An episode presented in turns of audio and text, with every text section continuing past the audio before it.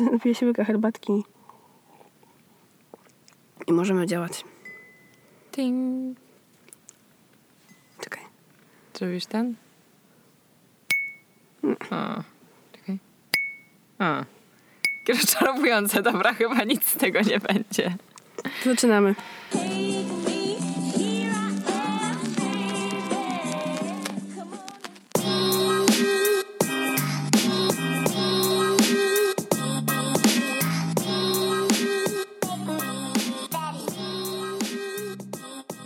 Cześć, ja jestem Zosia Cześć, ja jestem Ula. i to jest nasz podcast. Halo Ale dziewczyny.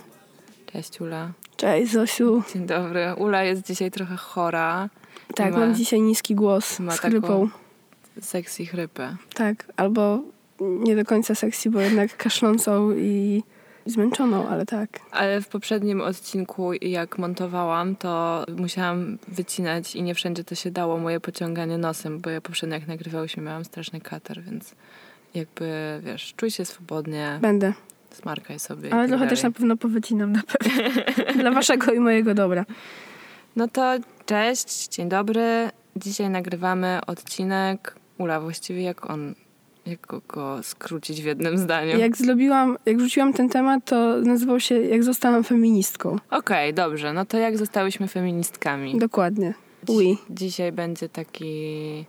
Nie wiem, ja dzisiaj trochę nie domagam umysłowo, mam wrażenie. Ja też jestem amebą, ale ogarniemy to. Spróbujemy, wzięłyśmy trudny temat akurat. Tak, ale, Ale- jest osobisty, wiecie. Będzie, myślę, że będzie git. Damy radę. To zaczniemy może od y, takiego mm, prostego pytania, czyli właśnie jak to się stało, że stałyśmy się feministkami i kiedy, jak to się rozpoczęło i może Ula zacznie jako bardziej sprawna umysłowo dzisiaj. Koło fortuny. Że tak, Może albo ciągnąłem- darty będziemy rzucały tak kiedyś. strzałki. O, w sumie dawno nie rzucałam strzałkami. Kiedyś byłam w to nawet całkiem niezła. A u mnie w biurze są darty. Ale w bardzo złym miejscu. W kuchni nad stołem. To grozi wypadkiem w miejscu Bez pracy. sensu. No. Ten temat się nie pojawił jakoś tam inaczej. Taki backstage wam zdradzimy, że my często mamy wymyślonych dużo tematów i sobie tak po prostu wybieramy, co nam teraz bardziej w duszy gra z tych tematów, co już je mamy. Bardzo to było pokrętne, ale tak jest. A to był taki temat w sumie, który tak na spontanie trochę powstał, bo ja sobie coś tam, nie wiem, jeździłam, pracowałam, rozkminiałam i tak się zastanowiłam właśnie, jak to się stało, że identyfikuję się teraz jak fem- jako feministka i to jest absolutnie normalne w moim życiu, a przecież nie zawsze było. Mhm. I wydaje mi się, że u większości osób w naszym wieku to nie zawsze było oczywiste, co wynika z tego, jak zostaliśmy wychowani, w jakiej kulturze wzrastaliśmy i tak dalej. I chyba w sumie o tym będzie ta pierwsza taka ta część tego naszego dzisiejszego odcinka, Mhm. takim słowem wstępu. A jeżeli chodzi o moją osobistą historię, to początek w sumie miałam taki dosyć łatwy w tym temacie, bo jak ktoś mnie nie zna osobiście, to ja pochodzę z rodziny, która stoi siłą kobiet generalnie. Mam w mojej rodzinie praktycznie same niezależne i samodzielne kobiety. Ja wychowałam się i bez ojca, i bez dziadka. I wszystkie te kobiety, czyli tam moja mama, babcia, musiały pełnić te wszystkie role same. I w sensie były i wychowywały dzieci, i pracowały, zarabiały na dom, robiły wszystkie po prostu te rzeczy. No i jakby nie miały dyskryminacji mężczyzn w tej rodzinie, bo ich nie było, ale też nie miały ich wsparcia. Więc to był jakby taki punkt startowy, który myślę, że jest tam dla mnie dość ważny. Więc przez długi czas mi w sumie nie przyszło do głowy, że w ogóle ktoś cię może dyskryminować, albo że w ogóle są jakieś takie nierówności, bo to jakby nie miałam w ogóle takiego pojęcia. Zresztą myślę, że dzieci w sumie ciężko, chociaż dzieci są w sumie super czułe, wyczuwają dużo takich jakichś nierównościowych i kłamstw rzeczy i tak dalej, więc nie wiem. Nie przedłużając, pamiętam, że pierwszy raz z tym się zetknęłam w przedszkolu, kiedy widziałam, że wiesz, był taki podział zabawek trochę też, albo był taki podział, że na przykład chłopcy więcej hałasowali, mogli hałasować, dziewczynki nie bardzo i tam jakieś takie były to rzeczy. Mhm. A to były takie jakieś lajtowe, lajtowe tematy na początku. No to moja sytuacja y, wczesnodziecięca była inna, diametralnie, bo ja jestem z wielodzietnej rodziny. Moja mama nie zarabiała, y, nie, jakby nie miała pracy zarobkowej, tylko zajmowała się nami. Ja mam trójkę rodzeństwa, czyli razem była nas czwórka. Wszyscy urodziliśmy się w niedużych odstępach czasu, także na pewno było z nami dużo, dużo pracy. A mój tata pracował i przynosił tak zwany chleb do domu. Ja mam dwóch braci, mam starszą siostrę, więc też było nas porówno w domu. Mhm. Taka ciekawa sytuacja. Natomiast ja przyjęłam pewien porządek rzeczy, porządek świata, który został mi przedstawiony właściwie w momencie, kiedy poszłam do szkoły, bo w domu tak nie było, ja tego nie czułam jako małe dziecko. Ale że, y, nie wiem, są rzeczy, w których po prostu chłopcy są lepsi od dziewczyn i kropka. I są rzeczy, w których dziewczyny są lepsze od chłopców i też kropka. A jakie to były rzeczy? Znaczy, jeśli chodzi o naukę, no to chłopcy byli lepsi z matematyki, a dziewczyny z polskiego i miały ładniejszy charakter pisma i szybciej uczyły się czytać. Z jakiegoś powodu tak było.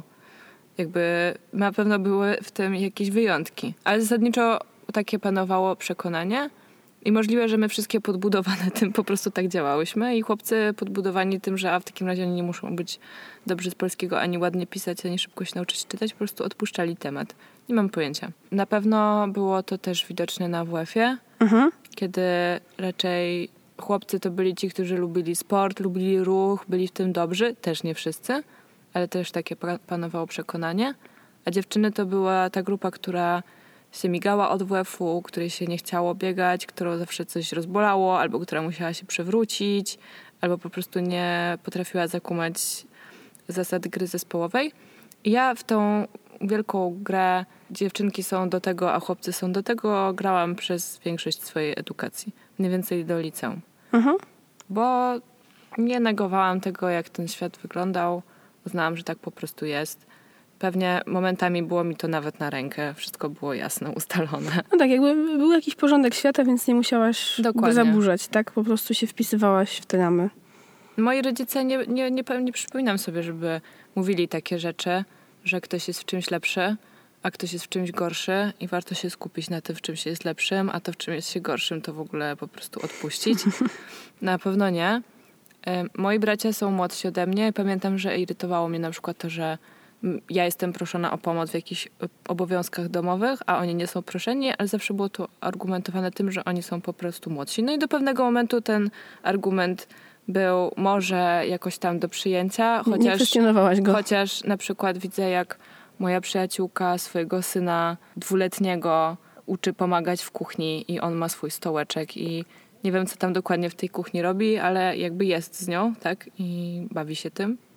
Więc super, można też tak. Natomiast ja przyjęłam, że świat się dzieli na chłopców i na dziewczynki, każdy ma swoją rolę i tak działamy.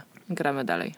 Przypomniałaś mi w sumie o dwóch rzeczach, o których chyba dawno nie pamiętałam, że ja na przykład mam brzydki charakter pisma i na szczęście nikt ode mnie nigdy nie wymagał, żebym miała ładny, Mhm. bo chyba się strasznie zmartwiła. U mnie był z kolei przykaz, że trzeba pisać koniecznie piórem w szkole. Mhm, u mnie Więc to też. było super słabe, bo jestem noworęczna, więc to w ogóle nie No, miało sensu. No tak. I miałam zawsze najbrzydsze zes- zeszyty i łokieć po prostu uwalony tuszem. Ale miałam w klasie kolegę, który miał przepiękny charakter pisma. Mhm. Był absolutnie był tak czytelny i w ogóle takie robił zawijaski i w ogóle ozdabiał te zeszyty, robił szlaczki wszystkie, ekstra, był super. I on był z tego powodu wyśmiewany Mhm. przez innych chłopców i w ogóle przez inne dzieci, że to było właśnie takie niemęskie, że on to robił. I w ogóle tego nie skleiłam aż do teraz jakoś, że wiesz, że on... Pamiętam, że na którymś momencie przyniósł brokat na jakieś tam zajęcia mieliśmy plastyczne, coś przyniósł brokat, żeby coś ozdobić. No to jest super pomysł w ogóle, brokat świeci się ekstra. I wszystkie dziewczynki się zajarały, a wszyscy chłopcy go po prostu... Nie pamiętam, czy go wyzywali, czy nie, ale na pewno dało się czuć taką atmosferę wrogości, tylko dlatego, że ten chłopak sobie coś tam ładnie pisał i w sumie ładnie to ozdabiał. I jakby co komu do tego. Mhm. A dwa, że nigdy w mojej szkole, w gimnazjum i w podstawówce, miałam jedną szkołę, nie pozwoli nam dziewczynkom grać w piłkę nożną. Mhm. A ja grałam w piłkę nożną na podwórku z moim bratem i z dziećmi z podwórka i lubiłam grać w piłkę nożną i nigdy nie mogłam, bo to było nie dziewczyńskie. Mimo, że nas było dość dużo, to zawsze były takie sporty dla dziewczynek i sporty dla chłopców. Tak, to prawda. W gi- w gimnazjum wyglądał zdecydowanie inaczej chłopców, inaczej dziewczyn. A my na przykład nie umiałyśmy za bardzo grać w piłkę nożną, ale bardzo to lubiłyśmy i raz na jakiś czas prosiłyśmy WF-istkę, żeby pozwoliła nam zagrać w nogę. No, Ale tak to raczej było dużo takich rzeczy typu jakieś przewroty, jakieś takie gimnastyczne Mhm. bardziej zajęcia, jakieś wymyki, wymyki, odmyki, ale chłopcy też to robili. Pamiętam, że może ja bardziej pamiętam te rzeczy, bo one mnie naprawdę bardziej interesowały. Ja chodziłam na gimnastykę artystyczną i ja lubiłam robić przewroty w przód i gwiazdy i tego typu, tak to mnie interesowało. Nie znosiłam gier zespołowych. Po prostu nie lubiłam grać w zespole, nie interesowała mnie piłka.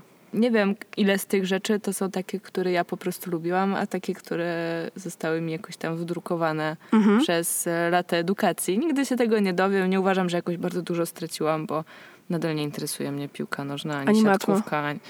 No matmy żałuję, że nie byłam dobra z matmy. Żałuję, że... Ale wydaje mi się, że naprawdę nie byłam z niej dobra. Zresztą nikt w mojej rodzinie nie był dobry z matematyki. Ani chłopcy, ani dziewczynki. Wszyscy chodziliśmy na korepetycje. Nie wiem, ja to głównie grałam w hokeja potem, więc hokej to taki ciężki, kontaktowy sport. Mieliśmy dziewczyńską drużynę w hokeja. Grałyśmy w na hali. To było całkiem spoko. Można było sobie coś tam pobiegać i się po, ponawalać kijkami generalnie, bo w którymś momencie na tym polegało.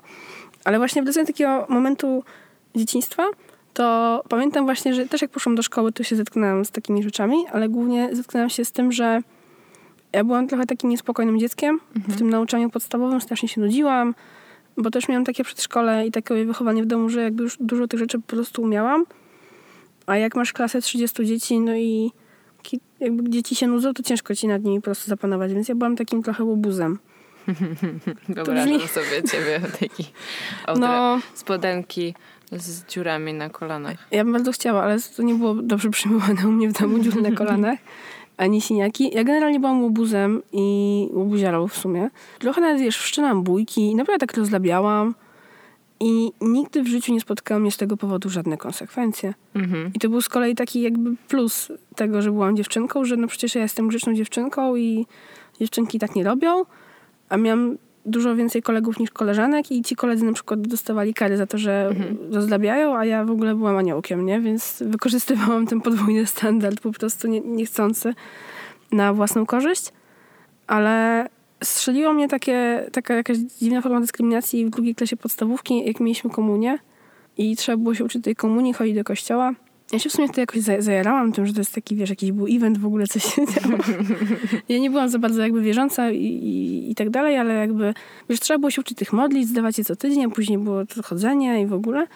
Więc jakaś tam była dla mnie tego magia, tego wydarzenia, tego procesu. I bardzo chciałam zostać ministrantem. Mhm. No i moja katechetka powiedziała mi, że nie mogę zostać ministrantem.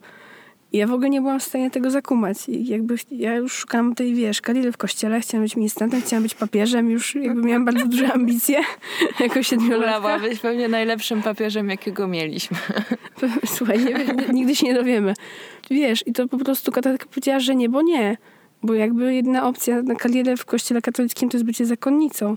Co to za głupota w ogóle? Jakby ja byłam tak rozczarowana. Ja wiem, że to brzmi bardzo śmiesznie i dzisiaj też się z tego śmieję, Nie, ale... ale brzmi jak logiczne pytania, które zadawałaś dorosłym, którzy nie znali odpowiedzi i nigdy się nad tym nie zastanowili. No. Właśnie tak samo jak ja, tak? Jest jak jest i koniec. Kobiety nie zostają ministrantami, nie zostają papieżami, nie zostają księżmi. W kościele katolickim oczywiście. Bo są inne kościoły Tak. chrześcijańskie, które dopuszczają jak najbardziej. No i to był taki w sumie też pierwszy moment, kiedy ja, wiesz, osłabiła się ta moja nowo przybyła wiara tak naprawdę, Mhm. no bo nie chciałam do końca już być częścią kościoła, który nie chce mnie mieć za lidera, no jakby to bez sensu. Oczywiście strasznie to się z tego śmiejąc, ale tak. Chyba to był pierwszy raz, kiedy, wiesz, ktoś mi powiedział, że czegoś nie mogę zrobić. Mhm. Z powodu twojej płci. Tak. Mhm. A propos, chciałam tylko wrócić na chwilę do tego, jak powiedziałaś, że byłaś łobuziarą, ale nie spotykały cię z tego powodu żadne konsekwencje. To raz w życiu w szkole dostałam uwagę do dziennika wpisaną. Byłam w gimnazjum wtedy. I faktycznie był taki krótki moment w moim życiu, kiedy bardziej się kolegowałam z chłopcami niż z dziewczynami, ale to naprawdę było kilka miesięcy. Mhm. I dostałam uwagę, po, tak, wpis takiej treści. Zosia i chłopcy przeszkadzają w lekcji biologii. I byłam tak dumna z tej uwagi. szefową gangu. Byłam tak dumna z tej uwagi. To nawet nie chodzi o to, że ja byłam szefową tego gangu czy cokolwiek, bo nie, wiedziałam, że nie jestem, ale że wtedy zaliczałam chłopców do tych fajnych Mhm. i właśnie tych, którzy podejmują jakieś ryzyko, dostają później jegoś, jakieś tego konsekwencje, tak typu rodzice wzywani do szkoły albo te uwagi w dzienniku, ale że odciskają gdzieś jakiś ślad swój w rzeczywistości, a nie przemykają przez nią, wiesz, niezauważeni. Nie wiem, czy ich obchodziły te konsekwencje, czy nie. Myślę, że w takim młodym wieku jakby coś takiego jak rodzic wezwany do szkoły, jeżeli potem w domu cię spotkają z tego powodu reperkusje typu szlaban na komputer, to może to być przejmujące, ale oni działali w, spontanicznie i bardzo się ucieszyłam, że chociaż na chwilę zostałam zaliczona do tej spontanicznej grupy, którą nie byłam oczywiście. W żadnym wypadku. Byłam bardzo spokojną osobą. Ale właśnie, wiesz, to takie pokazuje, że wiesz, boys will be boys, nie? Że Tak, trochę tak.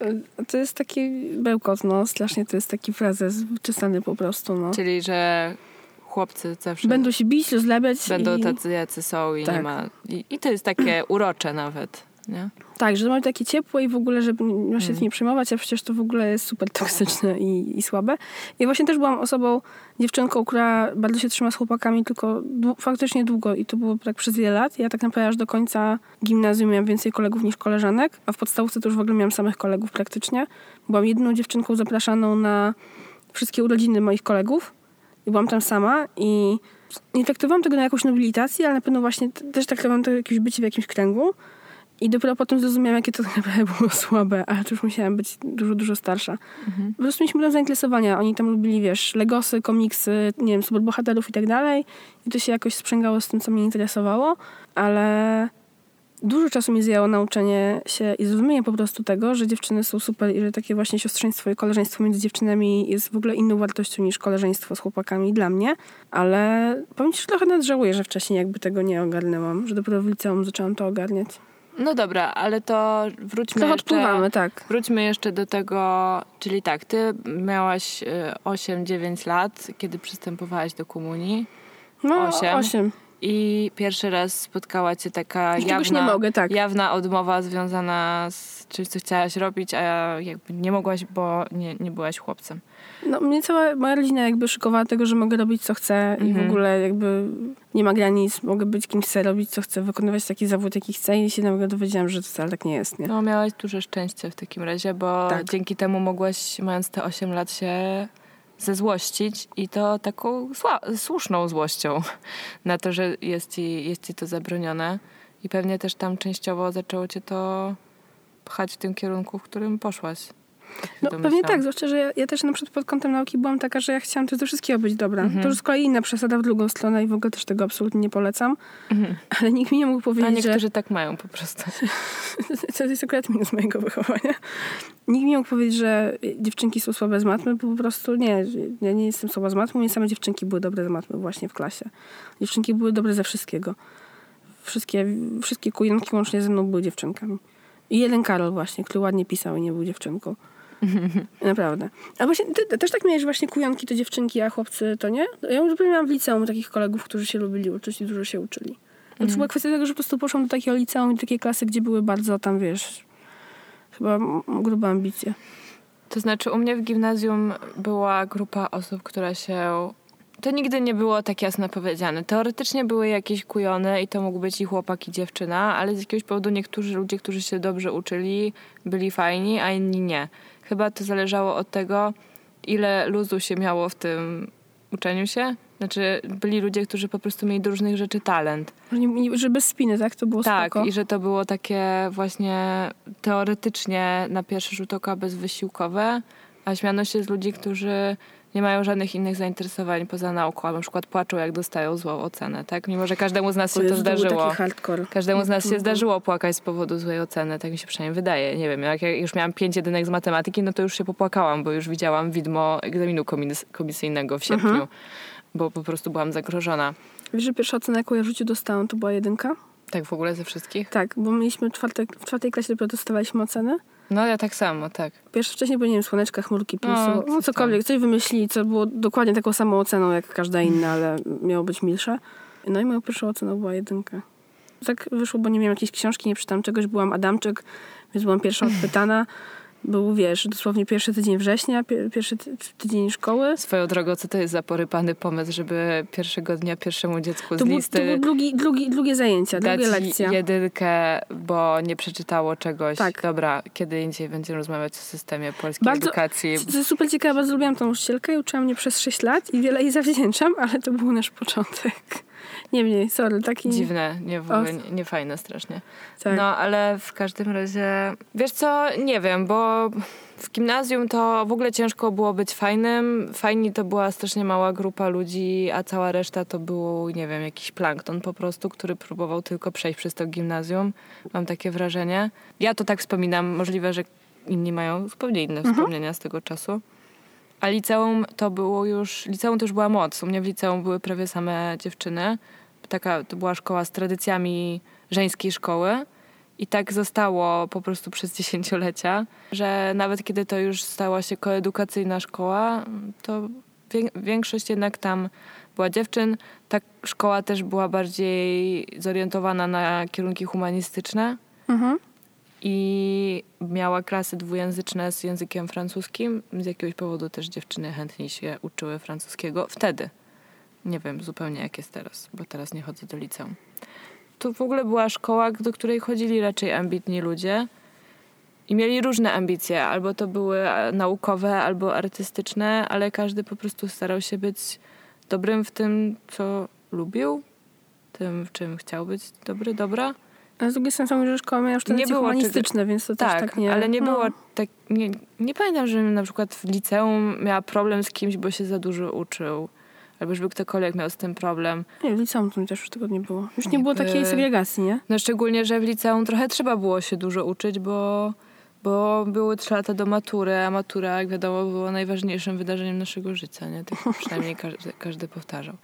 No ale dobra, bo to znowu jest nie w tę stronę. Tak, to co chciałam właśnie tak, że tak powiem złączyć, to to, że jakieś takie też kroki, powiedzmy sobie milowe, czy jakieś tam otwarcie mózgu milowe, mhm. poczyniłyśmy właśnie w liceum w ten czy w inny sposób. Co nie? Tak, tak jak sobie tam tak wcześniej... mi się wydaje, że to wtedy. Gadałyśmy. Ja w liceum no, też miałam dostęp do internetu, ale wtedy jeszcze nie było w nim aż tylu wartościowych treści jak dzisiaj ale coś tam zaczęłam sobie czytać i tak powiedzmy sobie rozkminiać, ale takim największym kubłem zimnej wody był mój ówczesny chłopak, z którym się spotykałam w mhm. liceum, mhm. z którym właśnie tak gadam na jakieś takie tematy, powiedzmy sobie, społeczne i światopoglądowe. Na tyle nie jesteś w stanie gadać mając 17 czy 16 lat.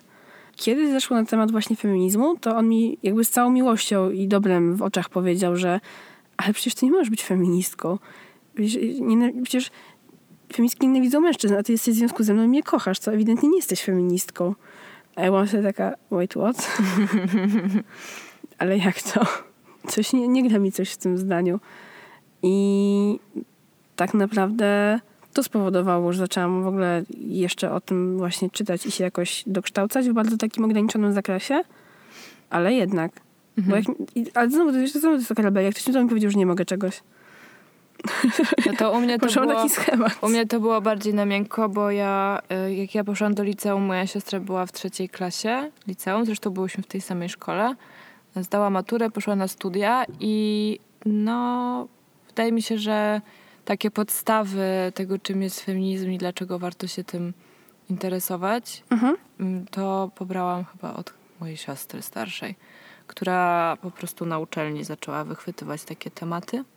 Nie wiem, czy na takie seminarium się zapisała, czy po prostu taki panował klimat na no. jej wydziale. Podobno tam panuje taki klimat na UW w Warszawie. Nie wiem. W każdym razie to była osoba, która jako pierwsza u nas w domu zaczęła w ogóle o takich rzeczach mówić i ja tego zaczęłam słuchać i po prostu to jakoś podłapałam. Ale też będąc w liceum zawarłam najsilniejsze przyjaźnie z kobietami mhm. w moim życiu. I chyba to poczucie siostrzeństwa i właśnie wspierania się nawzajem też z powodu tej tak zwanej solidarności jajników, jak to się nazywa. No. Ja tego nie lubię, nie lubię no. też tego powiedzenia. No, to jest bardzo zły termin. Ale tak to nazywano przez wiele lat mojego życia. Mhm. E, wtedy to tak naprawdę się zawiązało i zaczęło mieć dla mnie znaczenie. Wtedy też zaczęłam zwracać bardziej uwagę na to, że faktycznie nie przyjaźnię się z chłopakami, że mam ku temu powody, że oni bardzo często, nie mówię wszyscy, ale że wielu z tych, których spotkałam w tamtym młodym wieku, źle traktuje dziewczyny, że nie szanują ich i no i po prostu nie zadawałam się za bardzo z tą płcią przeciwną. Nie czułam się dobrze w ich towarzystwie. Czułam się dobrze z dziewczynami.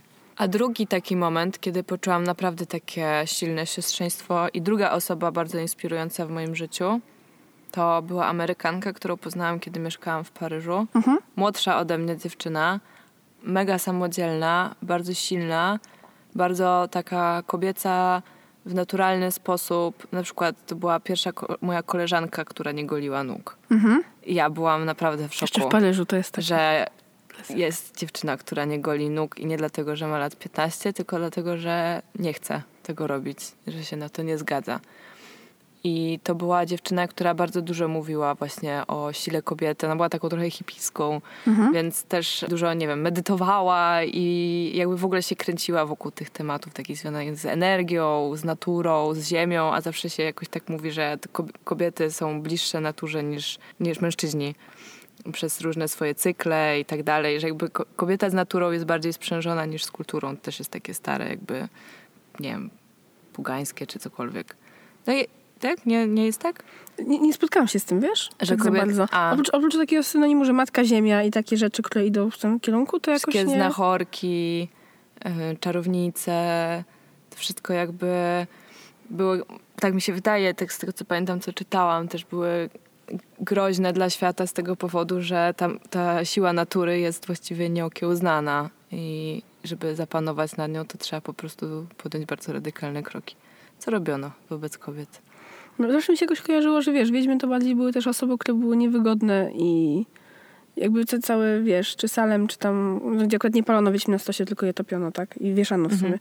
Ale gdzie raczej była eliminacja, że tak powiem, niekoniecznie związana właśnie z naturą czy z magią, tylko z niewygodą, obyczajowością. No, ale to już później No tak, trochę. właśnie tego, to wiedźmy, a znachowki to w sumie nie, nie, nie wiem, więc też się nie mogę wypowiadać. To pamiętam z wykładów e, z Uniwersytetu Warszawskiego, z wykładów o wampiryzmie. Co do ciekawych wykładów. Super był ten wykład, trwał jeden semestr i w ogóle nieważne. W każdym razie tam też się trzymałam z dziewczynami, bo, bo byłam opiekunką do dziecka i po prostu się obracałam w grupie dziewczyn, które trudniły się tym samym zajęciem. Poznałam jedynego, jedynego chłopaka w trakcie tego roku w Paryżu, który był opiekunem do dziecka, też był tak zwanym operem, ale to było naprawdę takie dziwne, że on tam był. I cały ten rok po prostu obracałam się w towarzystwie dziewczyn, właśnie w takiej bardzo silnej, wspierającej się ekipie. I wydaje mi się, że już stamtąd wróciłam z jakimś zrewidowanym pojęciem feminizmu, bo jeżeli wcześniej jakieś miałam, to raczej takie właśnie gimnazjalne, złośliwe heheszki, tak? Że feministki to są te kobiety, które nienawidzą mężczyzn, bo są brzydkie i nikt się z nimi nie ożenił. Najczęściej są łyse, a jeszcze do tego są lesbijkami. Wiadomo. No i Klasyk. to taki klasyczek. No. I nie wiem, czy nie pamiętam, czy ja się z tym zgadzałam, ale miałam taki obraz feministki jako takiej męskiej kobiety. Właśnie, w ogóle to jest takie. Mm, Przejdźmy do tych stereotypów właśnie związanych z feministkami Mhm. za chwilę, ale wydaje mi się, że mimo wszystkich różnic jest podobne w naszych historiach, że po prostu do pewnego wieku, tak naprawdę w sumie uniwersyteckiego, wchłaniałyśmy tą wiedzę przez osmozę i dopiero Mhm. potem przyszło jakieś głębsze zrozumienie i faktycznie zastanowienie się nad tym wszystkim. Bo też tak naprawdę obydwie jesteśmy dość spoko uprzywilejowane, mieszkamy w miastach i tak dalej, jakby to jest wszystko spoko i nie wiem. Taka naturalna kolej rzeczy, które wspomniałyśmy, typu gimnazjum, liceum, studia, Tak. praca, nie? Więc jakby to był taki cykl, którego żadna z nas w sumie nie podważyła za bardzo w żaden To sposób. prawda. To był bardzo jasny, wydaje mi się, określony przez jakoś przez nasze rodziny pewnie i przez to przez nas same taki też cykl jakby realizacji życia jako kobiety. Mhm. W miarę, nie? Że nie- No tak, chociaż ja byłam jako nastolatka pewna, że jak skończę 25 lat, to wyjdę za mąż i będę Będziesz miała miała dzieci. dzieci. Oczywiście, ja myślałam to samo w gimnazjum czy w podstawówce. Haha, jokes on you, nie mam dzieci. Nie mam męża. Mam 28 lat. Ale właśnie chciałam przejść do tego etapu uniwersyteckiego, bo mi się wtedy też bardzo dużo klapek w głowie pootwierało. I właśnie też dlatego, że poznałam super dziewczyny i przyjaźnie na całe życie, właśnie bardziej w tamtym momencie. I też dlatego, że spotkałam ludzi, którzy są zainteresowani w ogóle feminizmem Mhm. i przekazują mi jakąś wiedzę na ten temat. Na przykład moja współlokatorka chodziła na przedmiot właśnie również o historii feminizmu i przynosiła super ciekawe rzeczy, razem je czytałyśmy, w ogóle Mhm. polecamy lekturę, więc to było takie coś, że wow, w ogóle ona wpadła na to, żeby na taki się zapisać i to było w pierwszym semestrze pierwszego roku studiów, ale tak, ale ekstra w ogóle jestem zajarana. Mój, z kolei mój chłopak e, kolejny i jeszcze kolejny byli feministami, więc to też dużo ułatwiło, że to już nie było jakby byliśmy, że tak powiem, światopoglądowo bardzo podobni, więc już nie było takiego przypychania barykady albo w ogóle nie, wiesz, była bardziej wzajemna edukacja i w ogóle docieranie się niż jakieś tam, że wiesz, nie musiałam walczyć o to, żeby ktoś mnie postrzegał jako równą sobie Mhm. osobę. Co myślę, że było dla mnie też bardzo takim No bardzo to fajną powtórzę, po miałaś duże szczęście, naprawdę. No też wiesz, tak, ja też Tak. wybrałam te osoby, wiesz o co chodzi. No przecież tak, nie, nie tak, byłam z nimi z jasne. przypadku, że a mi spadł taki facet, to jest z nim będę, okej, to wylosowałam szóstkę w środka, tylko że po prostu jakoś to dla mnie było ważne też, mam wrażenie. Mhm. Ale faktycznie nie, nie, na przykład dzisiaj znam mniej chłopaków feministów niż kiedyś. Co jest w sumie trochę smutne. Może czas wrócić na uniwersytet. Ho, ho, ho, ho. Ho, ho, ho. E, No tak, a ja na przykład miałam może nie zajęcia o feminizmie, ale przez to, że studiowałam kulturoznawstwo i po prostu czytaliśmy różne teksty, oglądaliśmy różne filmy i ponieważ miałam też młodych wykładowców, to są wszystko aktualne tematy, to one się pojawiały i przywijały jako normalne, normalna część kultury. I też e, niektóre filmy czy książki prawdopodobnie czytaliśmy w inny sposób niż ludzie 10 lat wcześniej, ale to też było jakby związane z młodą kadrą, która zwracała uwagę na takie rzeczy. Więc wtedy zaczęłam się tym interesować też tak bardziej teoretycznie i po, po prostu było też takie miejsce do dyskusji. Było miejsce do tego, żeby się wypowiedzieć, żeby coś napisać na ten temat i to było naprawdę takie powiedzmy otwierające umysł, a jednocześnie ja sama nie robiłam jakoś bardzo dużo, żeby tej wiedzy zdobyć więcej. Mnie ten temat jakoś tak strasznie nie interesował jeszcze wtedy. Jakby byłam już nim zainteresowana, tak? Jakby uważałam siebie po cichu jeszcze, nie na głos, ale za feministkę. Natomiast nie byłam aktywna, nie wiem, w jakichś NGO-sach, nie chodziłam na manify, nie czytałam literatury związanej z feminizmem, jeśli to nie była literatura zadana mi przez szkołę. Po prostu jakby tak miałam inne zainteresowania na co dzień. Pamiętasz taki moment, kiedy właśnie to przestało być ciche i tak się, że tak powiem, zdeklarowałaś? Czy Moim zdaniem komuś powiedziałaś, Elo, Mhm. jestem Zosia, jestem feministką? Wydaje mi się, że tak naprawdę bardzo niedawno i stało się to dopiero, kiedy mam wrażenie, że taki mainstreamowy dyskurs feminizmu się zmienił, Mhm. przynajmniej w Polsce, i przestał się skupiać na tym, jaka kobieta ma być, żeby być feministką, tylko zaczął przyjmować po prostu i wspierać różne kobiety. W założeniu powinny to być wszystkie kobiety.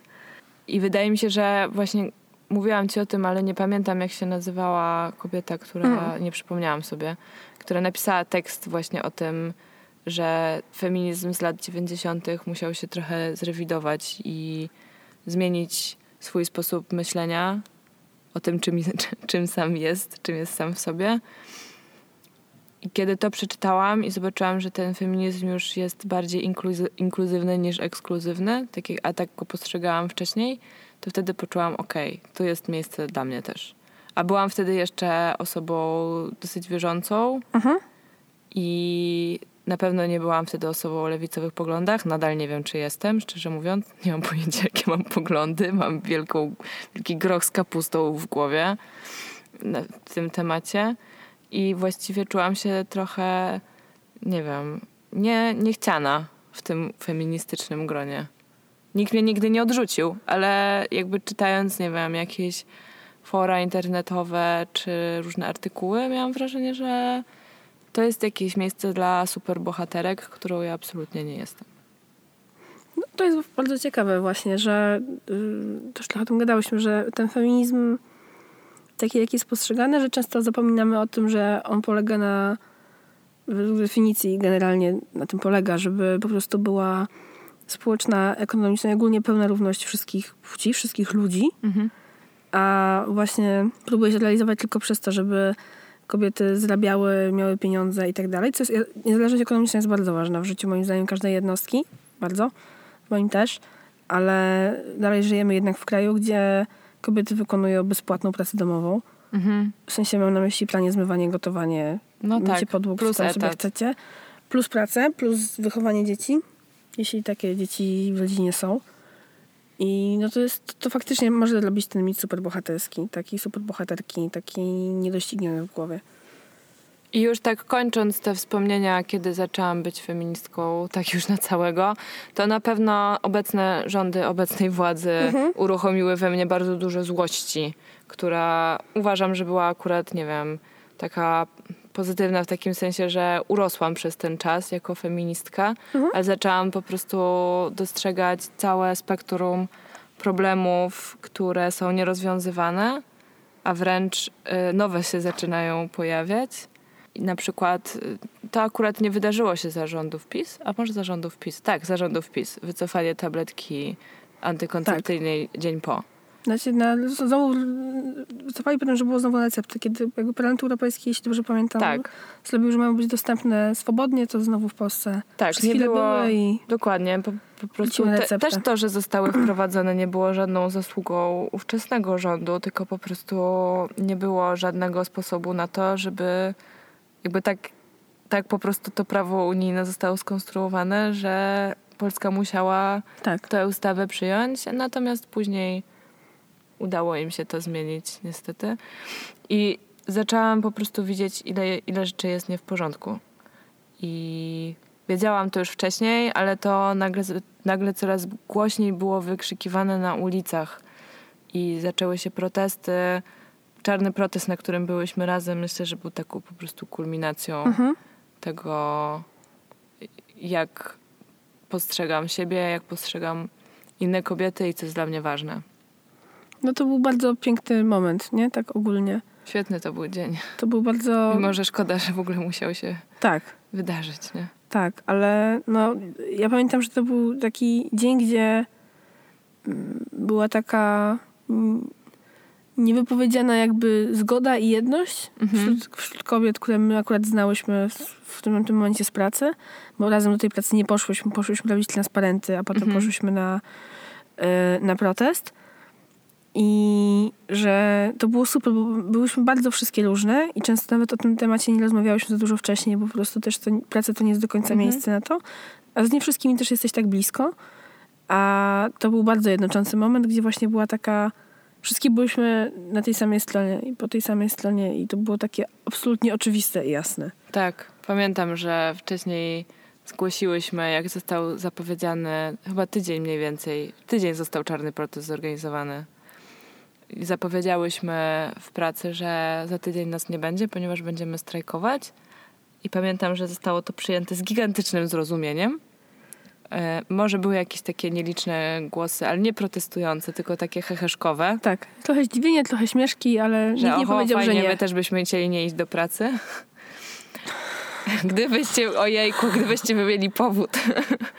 ale mogliście nie iść, mogliście z nami nie iść do pracy. No ale jakby tak, ustało po prostu ustalone, że okej, okay, tego dnia dziewczyny nie przychodzą, ustawiają zwrotkę na mailu i, i, i ich nie ma. I pamiętam, że właśnie że spędziłyśmy cały dzień razem i cały dzień w Warszawie, nie wiem jak wyglądało to w innych miastach, na pewno też dużo się działo.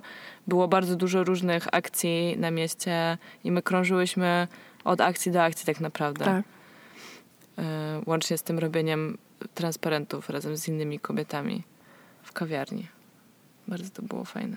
No, znaczy super to był dzień. Smutne, że to się musi wydarzyć, a to tylko pokazuje, ile jeszcze rzeczy jest do wywalczenia i jeszcze ile mimo tego, ile osiągnęły wszystkie dotychczasowe fale feminizmu, to ile jeszcze zostało do osiągnięcia.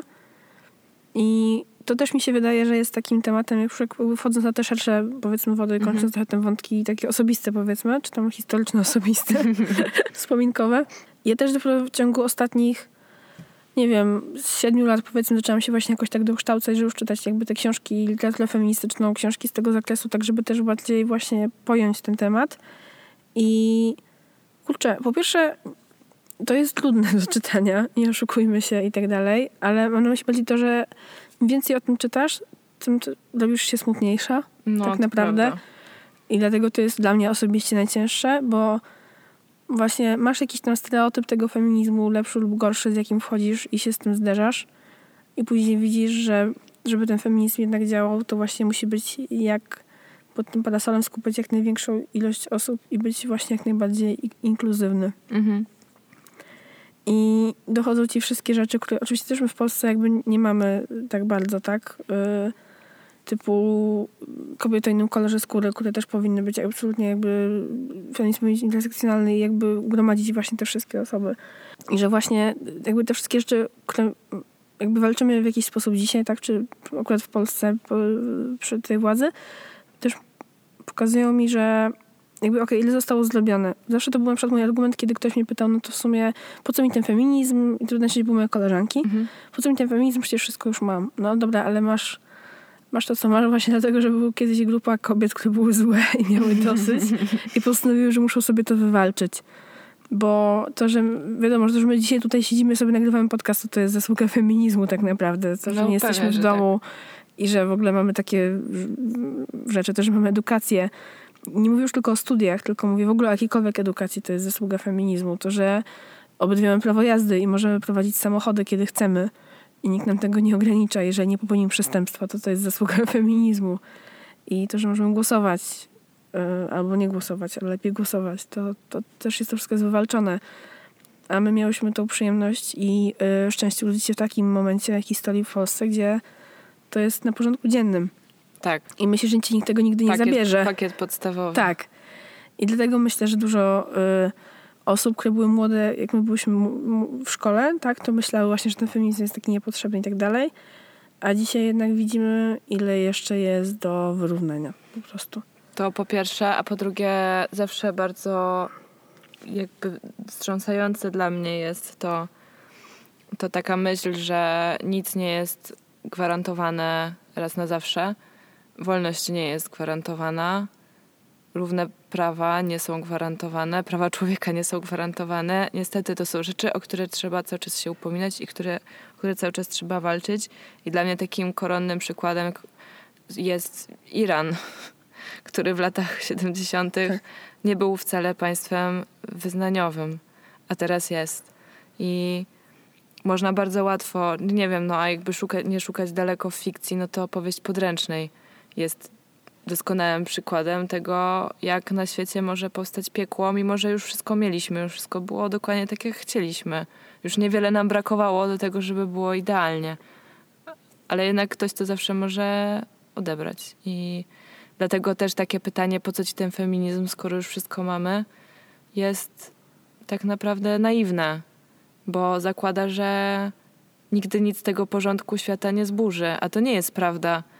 Nasza obecna władza robi czasem różne rzeczy, które ten porządek świata na razie zaburzają, ale mogą go zburzyć kompletnie. No, wiesz, no wolność nie jest dana, wolność jest wywalczana i tak jest po prostu Dokładnie. z każdą inną niestety rzeczą. Może kurde smutny dzisiejszy jest ten odcinek, ale jest po prostu bardzo prawdziwy.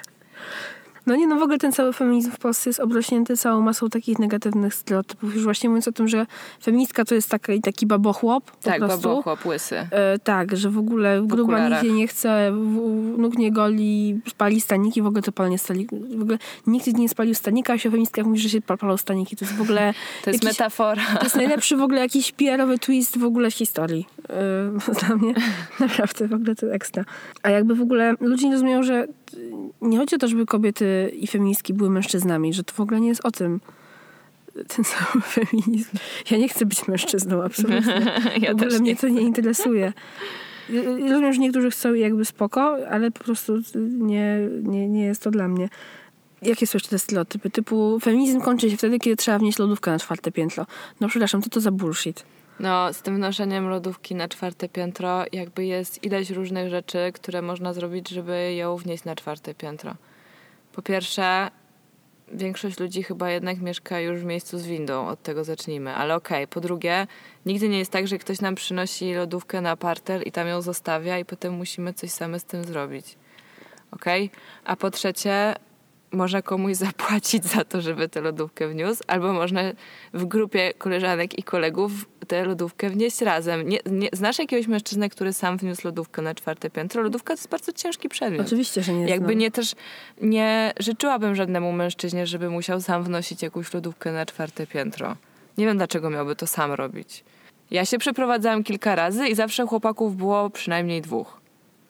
Nawet jakby jeżeli to byli, czy to byli członkowie mojej rodziny, czy to byli panowie z firmy Bagażówka, którzy przeprowadzali mnie z ochoty na sady B, to było ich dwóch. Nikt sam nie nosił moich rzeczy, a ja nie miałam lodówki. No miałam bardzo lekkie nie. kartoniki. Nie Tylko książki miałam i ubrania.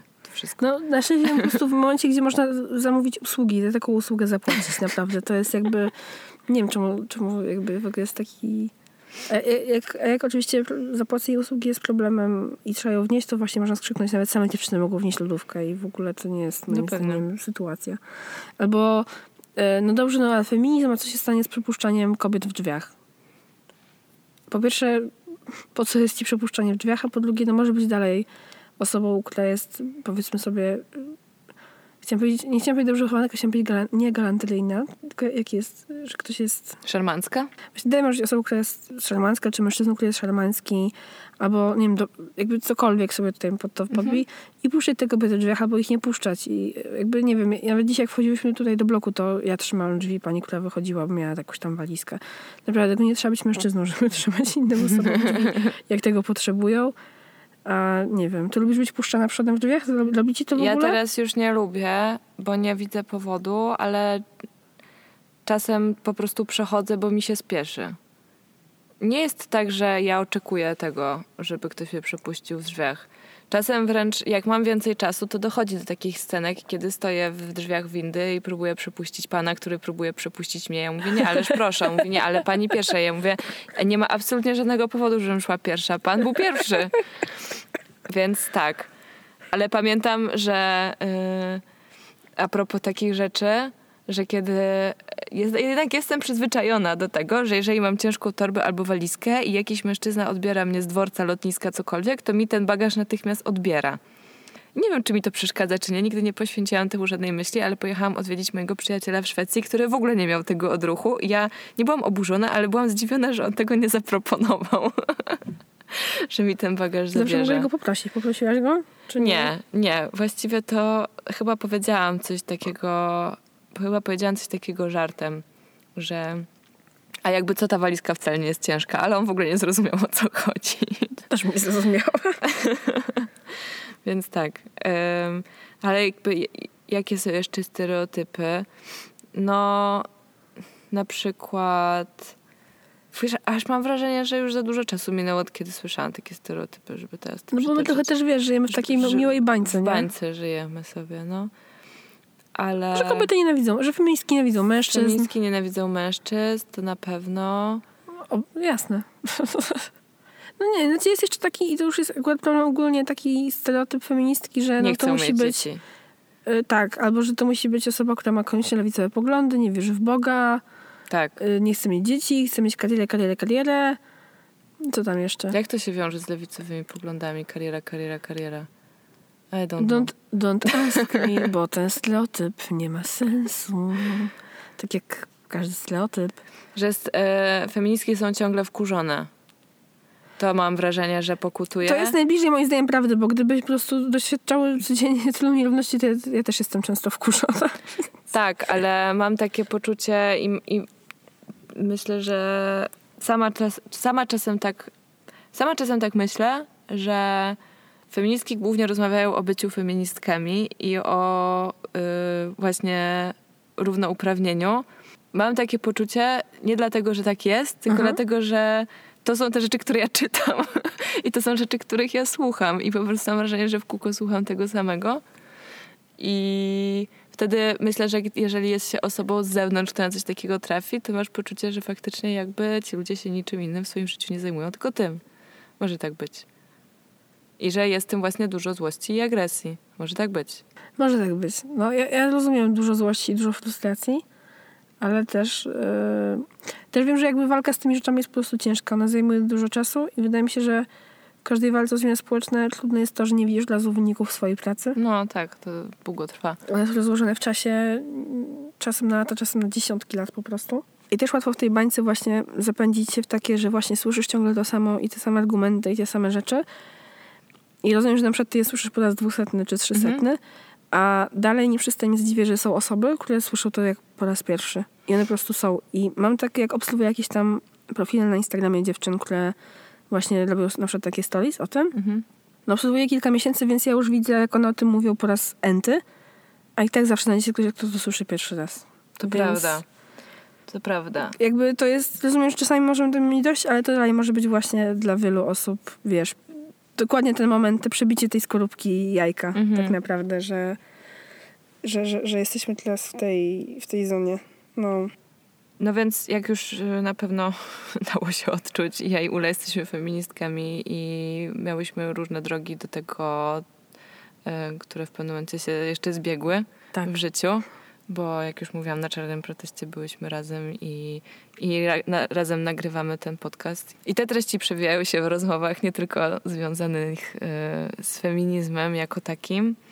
Natomiast tak może już, już powoli kończąc ten odcinek, miałyśmy też takie przemyślenia, że czasem jest strasznie ciężko być feministką Mhm. i czasem przyjemnie byłoby nią nie być. Tak, nie musieć nią być już, to byłoby w ogóle Po ekstra. pierwsze nie musieć nią być, ale to chyba się nigdy nie wydarzy.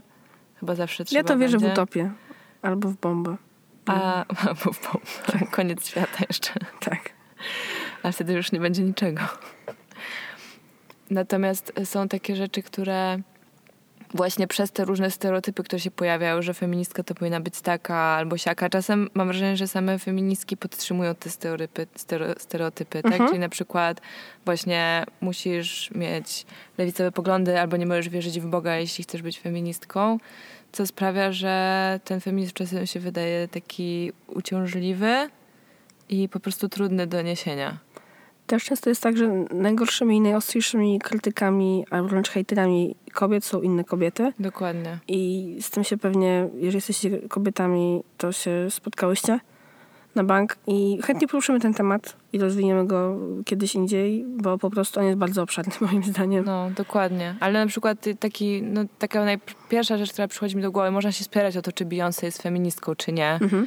Jakby tak na różne... Ale ona się czuje feministką, mówi, że jest feministką, a były takie głosy, które próbowały jej to prawo do bycia Odebrać. feministką odebrać. Tak, Bo skąpo się ubiera, bo ma bogatego męża, nie wiem, bo ma dziecko, nawet teraz już więcej niż jedno trójkę chyba macie. bo nie wiem, bo jest komercyjna i tak dalej, i tak dalej. Jest takie właśnie to, co nie pamiętam, w którym momencie to powiedziałaś, czy to już tutaj padło, czy to było zanim zaczęłyśmy nagrywać, ale że są takie środowiska, które wymuszają na tobie bycie krystalicznie czystym i nieskalanym Tak. od poczęcia właściwie, a to jest niemożliwe, żeby przeżyć życie nie ucząc się rzeczy, nie popełniając przy tym różnych błędów i nie zmieniając swoich poglądów.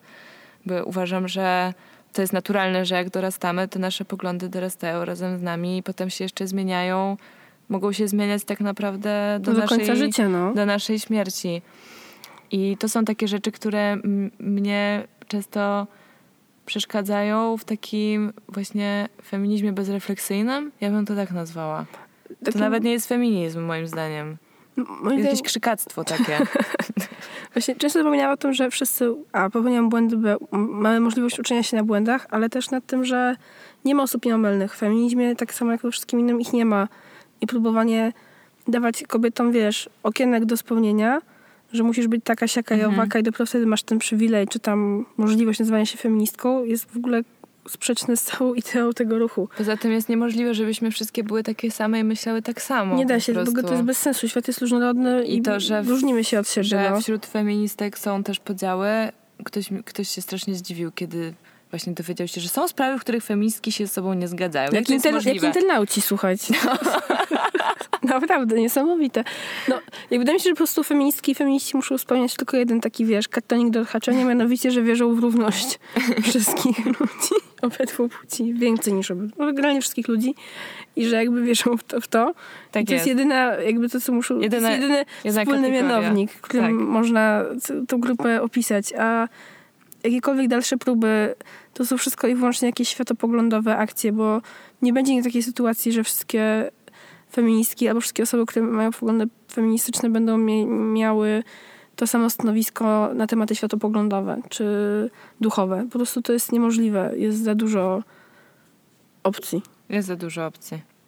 I, I tyle, tak. A ja jestem jakby w ogóle w wielu środowiskach, ale na pewno w tym środowisku takim facebookowo-feministycznym jest tak, że jak właśnie nie jesteś idealna i wiesz, nie czytałaś tych wszystkich rzeczy, nie robiłaś tego i właśnie nie udzielasz się i jeszcze nie wiem, w zinach, manifach i tak dalej, no to jakby To to z ciebie jest... Co z ciebie za feministka, Koza nie feministka, Ula, Ula ty nawet. Facebooka nie masz. Co z ciebie za feministka? Nie możesz na tych wszystkich grupach uczestniczyć w tych dyskusjach bardzo nawet ciekawych. internautą nie jestem. No. nawet nie jesteś internautą. E, no warto, warto o tym pamiętać, moim zdaniem na pewno, że tak, tak jest, no. Kurczę.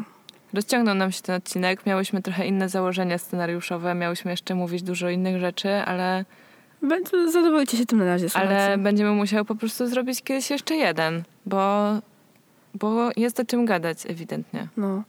A tymczasem, jakbyście się chcieli douczyć w jakichś takich rzeczach, to jest parę źródeł internetowych, które możemy podać, albo wrzucicie na Instagrama w sumie może. A wrzućmy też pod odcinek, możemy wrzucić listę, co? No, to tak zrobimy. To tam wam wrzucimy różne A na tam, Insta też wam wrzucimy. różne listy, to sobie tam będziecie mogli i mogły sobie poczytać, albo nam na przykład polecić jakieś inne źródła, żebyśmy sobie Bardzo- też rozbudowywały Bardzo i czytały chętnie. więcej, No. bo w sumie lubimy konsumować treści, nie? A tymczasem, albo wszystkie sugestie możecie do nas również pisać na naszego maila, czyli halodziewczyny.gmail.com Możecie do nas też napisać na Facebooku oraz na Instagramie. Zajrzyjcie też na nasz profil, czasem wrzucamy jakieś posty, czasem jakieś śmieszne stories. Tak. Mamy spoko poczucie humoru. ja, Tak, to tam, chyba. ja to się śmieję z naszych stories często, jakie robię, więc mi, się, mi tam się podobają. Em, będziemy bardzo wdzięczne, jeżeli po odsłuchaniu tego odcinka zostawicie nam pozytywną recenzję, albo zaobserwujecie nas na Spotify, albo dacie nam 5 gwiazdek, albo polajkujecie, to będzie super. A w ogóle będziemy przeszczęśliwe, jak polecicie nas komuś, chociaż jednej osobie, Mhm. albo jak zrobicie Insta Stories i nas oznaczycie i wrzucicie do siebie na profil. Nie? Tak, Będzie spoko wtedy. to będzie całkiem okej. Nie całkiem git. Dziękujemy Wam bardzo za słuchanie tego odcinka i do usłyszenia w Tak, kolejnym. jeszcze tylko powiem na koniec. Jeszcze raz dziękujemy Studio Takto, które od kilku edycji nagrywania nas przyjmuje właściwie za każdym razem pod swój pokryty pianką dach. Dzięki temu nie słyszycie żadnych karetek, pogotowia, szczekających piesków, ani trzeszczących sąsiadów. Także bardzo dziękujemy i będziemy tu wpadać częściej na pewno. A też mega ważne jest to, że możemy tutaj przybywać bez żadnych opłat, co jest naprawdę super, bo nie mamy funduszy na takowe. Tak. I że sprzęt Jeszcze. również mamy y, bez opłat, możemy z niego korzystać. Logo mamy bez opłat. Patrz, tylko domenę i jingle kupiłyśmy. I serwer. Take me here, Dobra, na razie. Pa!